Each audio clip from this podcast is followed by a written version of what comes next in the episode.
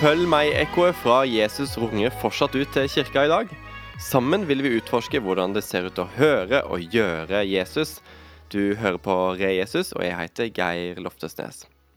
For å komme inn til kjernen av det som er viktig, så må vi noen ganger skrelle bort noen lag i livene våre.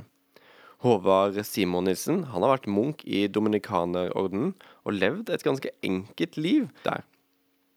Hva gjorde dette med han? Og hva tenker han det betyr å være rik i Gud? Hør på dette. Hei, Håvard. Takk for at du er med oss i denne episoden. Er du klar? Jeg er klar. Ja, du, Før vi går videre og hopper inn i spennende materie, kan du finne fram til tre ting, sånn materielle ting som du gjerne ville hatt med deg til himmelen? Oi, oi, oi. Uh, det kom overraskende på. Dyna mi. Gitaren min. Tøflene mine. Tøflene, ja. Det kan fort være gulvkaldt i himmelen. Jeg fikk, uh, jeg fikk nye tøfler av uh, min kjære, og da tenkte jeg ja, det, de er gull verdt. Det er veldig bra. Du, jeg, jeg i vår menighet har gitt meg egentlig noen nye bilder av Jesus som en fattig mann, materielt sett. Eh, kanskje han hadde bare én kjortel, siden han snakker om det å ha en kjortel. Han var uten bolig. Kanskje Det er grunn til å tenke at han kom fra en fattig familie. De hadde et billig offer osv. Altså det er forskjellige ting som peker på det. Gjenkjenner du et sånt bilde av, av Jesus, og, og, eventuelt hva har det å si for oss at han er en, en fattig mann, er vår herre og mester? Ja, altså at det er ingen overraskelse at Gud velger å strippe ned på alt det overflødige fordi han vil til kjernen av tilværelsen. Eh, og da Det ville jo være en katastrofe hvis han skulle komme inn som en, som en sånn grei eh, Nordstrand øvre middelklasse med Tesla og eh, stort, stor enebolig. Det, det, hva med alle oss andre? Hva med alle oss brød- og melk-leilighet-boere og de som har det enda vanskeligere? Eh, han trenger å bonde, og da må han gjøre det fra, fra bunn, rett og slett. Hmm. Spennende. Så du gjenkjenner dette bildet av Jesus? Ja, ja, jeg gjør det. Ja, ja. Men, jeg, men, jeg, ser ikke på han som fattig. Nei. Jeg ser på han som uh, Han kommer fra, fra, små kår. Det gjør han. Hmm. Uh, men det er forskjell på det, det, kommer veldig an på tolkningen av hva fattigdom er. Altså, jeg er jo Eh, har jo vært Munch i 15 år. Eh, og der avla jeg løftet om eh, lydighet, kyskhet og fattigdom. Hm.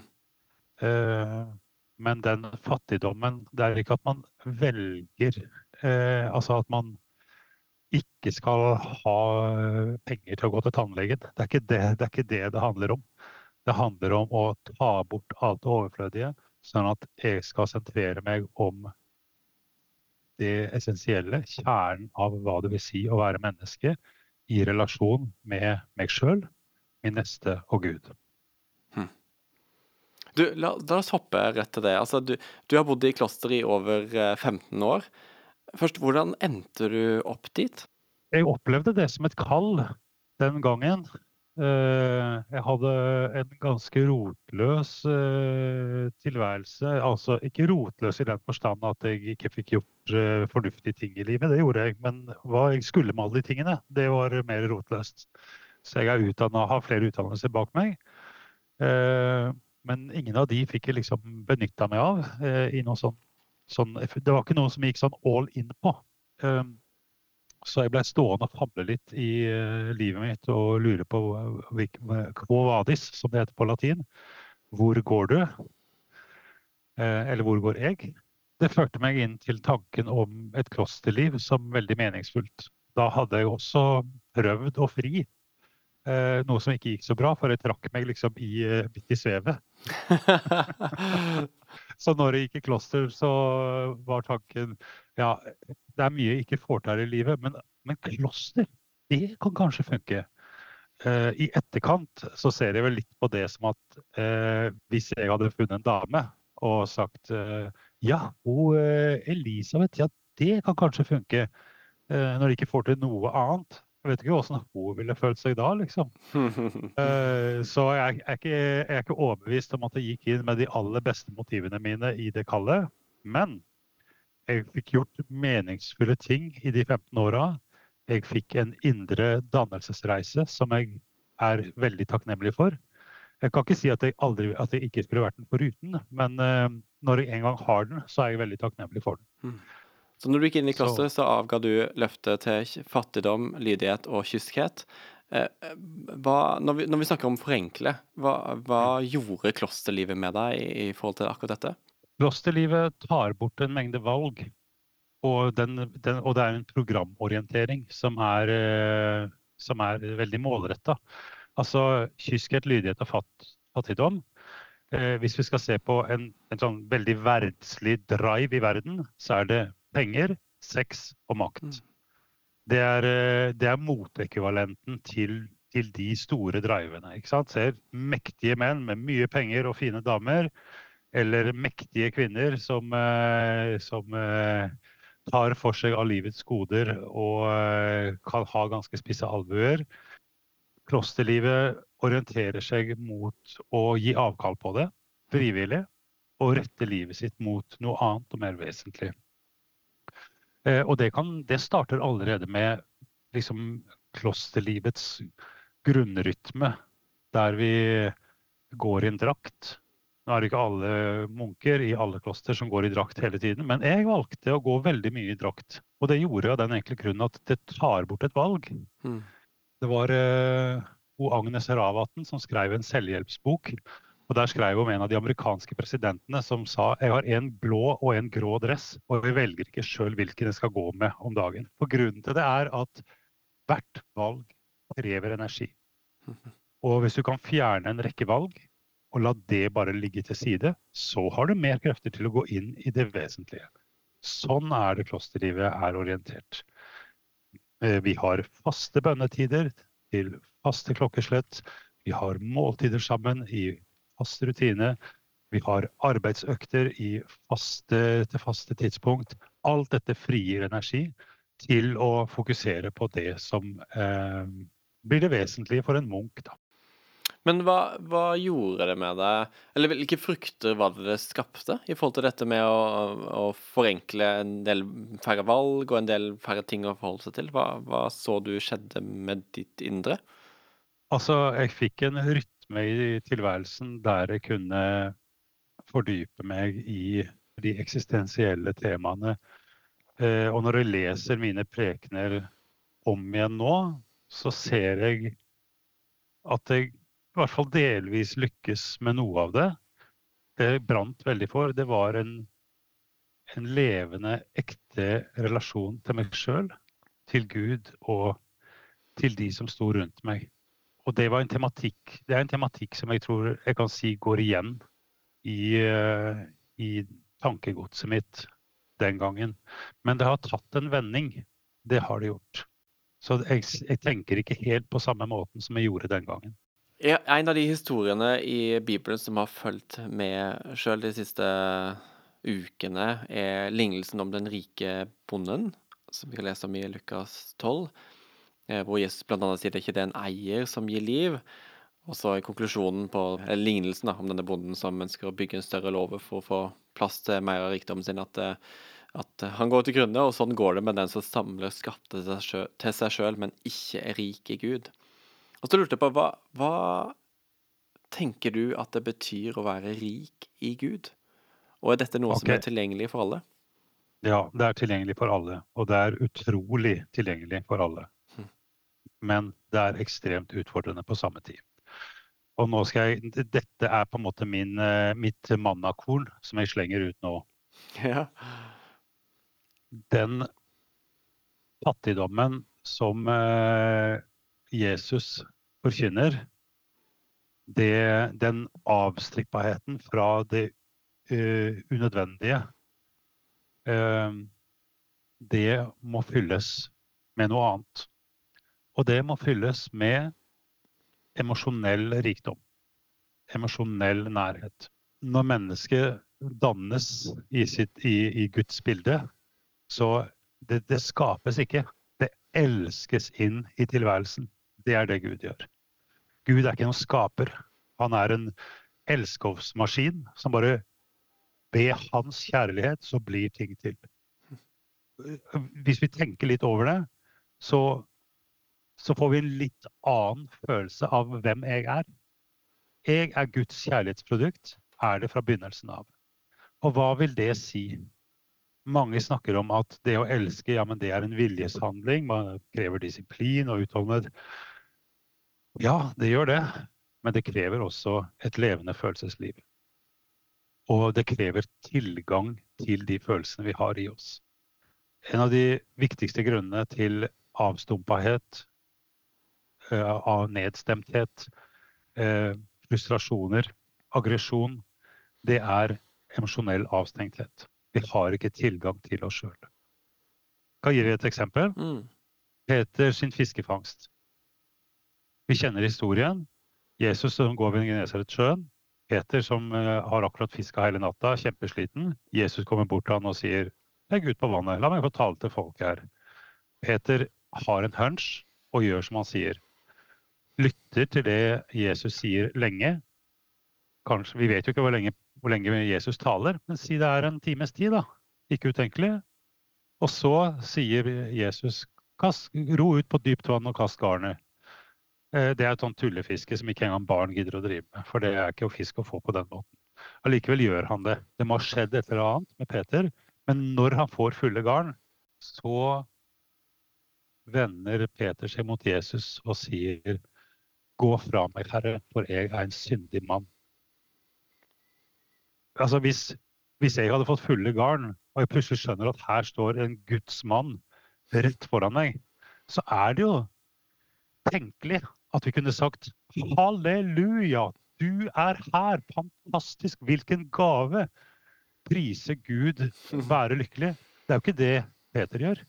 Nei, når Peter føler seg sett av Jesus, føler seg møtt av Jesus, så er hans reaksjon ikke se på meg, ikke kom til meg. Jeg er ikke verdig, jeg er ikke verdt det, jeg er ikke god nok, jeg strekker ikke til. Jeg er full av skam og kanskje avsky overfor meg sjøl. Det er et drama som spiller seg ut emosjonelt i den fortellingen. Blir sjelden forkynt, men den, den, fortellingen står som et slags sånn fyrlys for meg pga. Peters reaksjon, og, og ikke minst pga. Jesus sitt svar. For Jesus svarer ikke sånn Ja, det er riktig at du er en syndig mann, og, og det skal vi jobbe med nå framover. Bli med meg, så skal vi, skal vi, se om ikke du kan få en litt bedre versjon av deg sjøl. Det er ikke det Jesus svarer. Han sier, 'Vær ikke redd. Frykt ikke'. Han bypasser hele problematikken som Peter stiller opp. Jeg er en syndig mann. Jeg er full av skam. Jeg er full av eh, utilstrekkelighet i mine egne øyne. Men Jesus bare sier, 'Peter, ikke vær redd.' For det er det du er.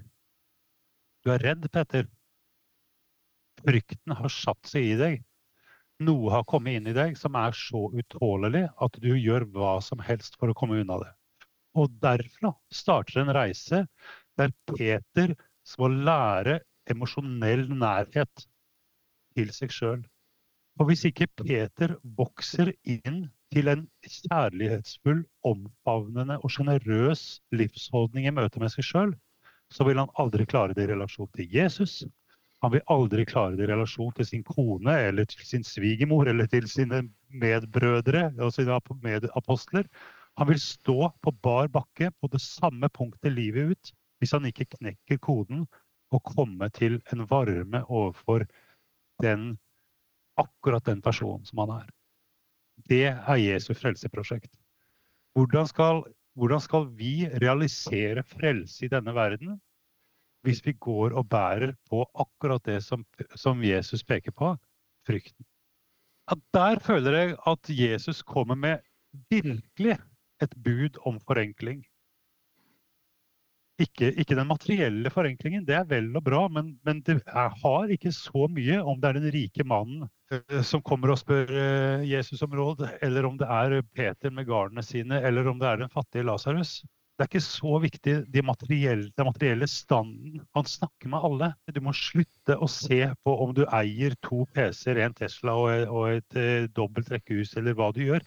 Du må, du, må, du må vende deg til det enkle, og det enkle er hvordan er din indre tilstand? Hvordan er din barmhjertighet i din sjel? Hvordan lever du ut frelsesbudet overfor deg sjøl. Og her, i, i, det jeg sier det nå, så kjenner jeg tårene i øynene. For det har gått gjennom så mye av livet mitt der jeg ikke har vært oppmerksom nok mot disse delene av meg sjøl som ikke har fått taletid. Små, fryktsomme deler av Håvard som blir hengende fast i, i, i redsel, selvfølgelig, men som får subkonsekvenser i tilværelsen min i form av aggresjon, i form av depresjon, i form av nedstemthet, i form av motløshet osv. osv. Og vi ser jo Kristen-Norge er ikke noe bedre enn noe andre. Det, vi renner jo over av denne type følelser. Og jeg føler at det, eh, hvis vi skal komme noen vei med, vårt, med vår, vår kristenhet i dette området, så er vi nødt for å åpne oss for realitetene som ligger der begravd med eksempelet Peter. Og vi må finne ut hva er det han sliter med. For det kommer ikke fra ingen steder. Når, når Jesus maner til forenkling, så er det fordi han, han vil at vi skal leve fylden av oss sjøl. Eh, og da trenger vi å åpne oss for de sårene vi bærer i oss og for det som holder oss tilbake. Og takke Gud for hver og en sjel som kan si med hånda på hjertet og leve trygt i at ja, men jeg har et åpent og forsont forhold med meg sjøl. Jeg, jeg, lever i en indre, djupere harmoni. Jeg vet hvem jeg er. Jeg har ingen spøkelser i skapet. Jeg har ingen angst som ligger og lurer, og som ligger og holder meg tilbake fra å leve meg ut. For hvert menneske som kan si det og, og vise at de lever sånn, så er det ingenting som er bedre enn det. Men jeg vet at en stor andel av både kristne mennesker og alle mennesker egentlig kjemper. Og den kampen, den er, foregår på innsiden. Og når jeg ser på forkynnelsen eh, i eh, den kristne forkynnelsen i ingen spesiell konfesjon, liksom bare den helt sånn streit, plain kristendom, så er dette Her er det et stort lerret å bleike uh, for, å, for, å, komme nærmere det rent menneskelige sårbare. Hm. For det å komme nær det sårbare, det betyr i 99, et eller annet prosent av tilfellene at vi også kommer nær sårene i oss. Og er det én ting vi har lært å beskytte oss fra, så er det å komme for nært det der vi er såra. Det er en forenkling i tilværelsen. Hmm. Det er å komme ned til det som det, det virkelig handler om, og ikke all staffasjen som vi bruker å holde oss oppe for. Det er det overflødige. Det nødvendige er å komme ned til sann anerkjennelse av livssmerten vi bærer i oss, og forsoningen med den i samarbeid med, med vår neste, med Gud og med min egen syke. Men altså, hva, hva, hvilken rolle spiller det materielle i våre liv som kristne? Er det, er det sånn at eh, under Gud også har det godt materielt sett, eller er det bare uviktig for Gud? Fordi det er noe annet som er så veldig mye viktigere? Jeg, jeg, jeg tror det kan være en, en fin rettesnor å tenke tenk deg, et, tenk deg, et, barn på tre måneder. Hva er det det barnet trenger? Ja, det trenger, eh, det trenger eh, litt sånn ullklær og litt sånn, eh, litt sånn, gode, varme pledd, og at det ligger sånn passelig mykt, og at temperaturen i rommet ikke er for kaldt og sånt noe. Det barnet trenger å bli holdt, det trenger emosjonell nærvær av mamma og pappa. Alt annet blir jo uvesentlig. Så det er ikke sånn at Gud ikke bryr seg om hvordan vi har det materielt. Han bare, han bare til hvilket formål. Hva er det, hva er det, som, hva er det, det skal hva er det det materielle skal være der for? Så det, det materielle er eh, instrumentelt, men vi vet også at eh, våre omgivelser former oss. Estetikken vi omgir oss med, er viktig. Eh, sang og musikk er viktig. Eh, eh, lesing, litteratur er viktig. For alt er med på å utvikle vårt indre. Så ja, så, så, så istedenfor å liksom gnikke så veldig på hvor, i hvilken grad og hvor mye materiell åpenhet er det vi skal ha eller ikke ha, så vil jeg mye heller at vi begynner å, å vaske, vaske hjertedøra litt og se gjennom speillagene innover og se hva er det som er på innsiden og baksiden. Hvordan kan vi komme inn dit der, der rikdommen virkelig ligger, da. Så spennende å høre, Håvard. Takk for at du deler. Vi, vi, går mot slutten, men har du lyst til å dele en, eh, en, radikal eller en morsom historie på hvordan det har sett ut at du har fulgt etter Jesus i ditt liv? Det mest radikale som har skjedd med meg, det, det tror jeg må være at jeg eh, har hatt gleden av å følge vår datter i fire måneder og se inn i det ansiktet og de øynene. Og se den enorme sårbarheten som hun har i seg. Og den enorme livsgleden som hun og livskraften som hun har i seg. Det lille mirakelet Asta er, er min eh, rettesnor for å holde fast ved at sårbarhet er noe som er der til enhver tid, og som vi må ta med oss og ta på alvor og pleie til enhver tid. Så fint. Takk skal du ha, Håvard, for at du var med på dette, denne episoden. Sjøl hjertelig takk.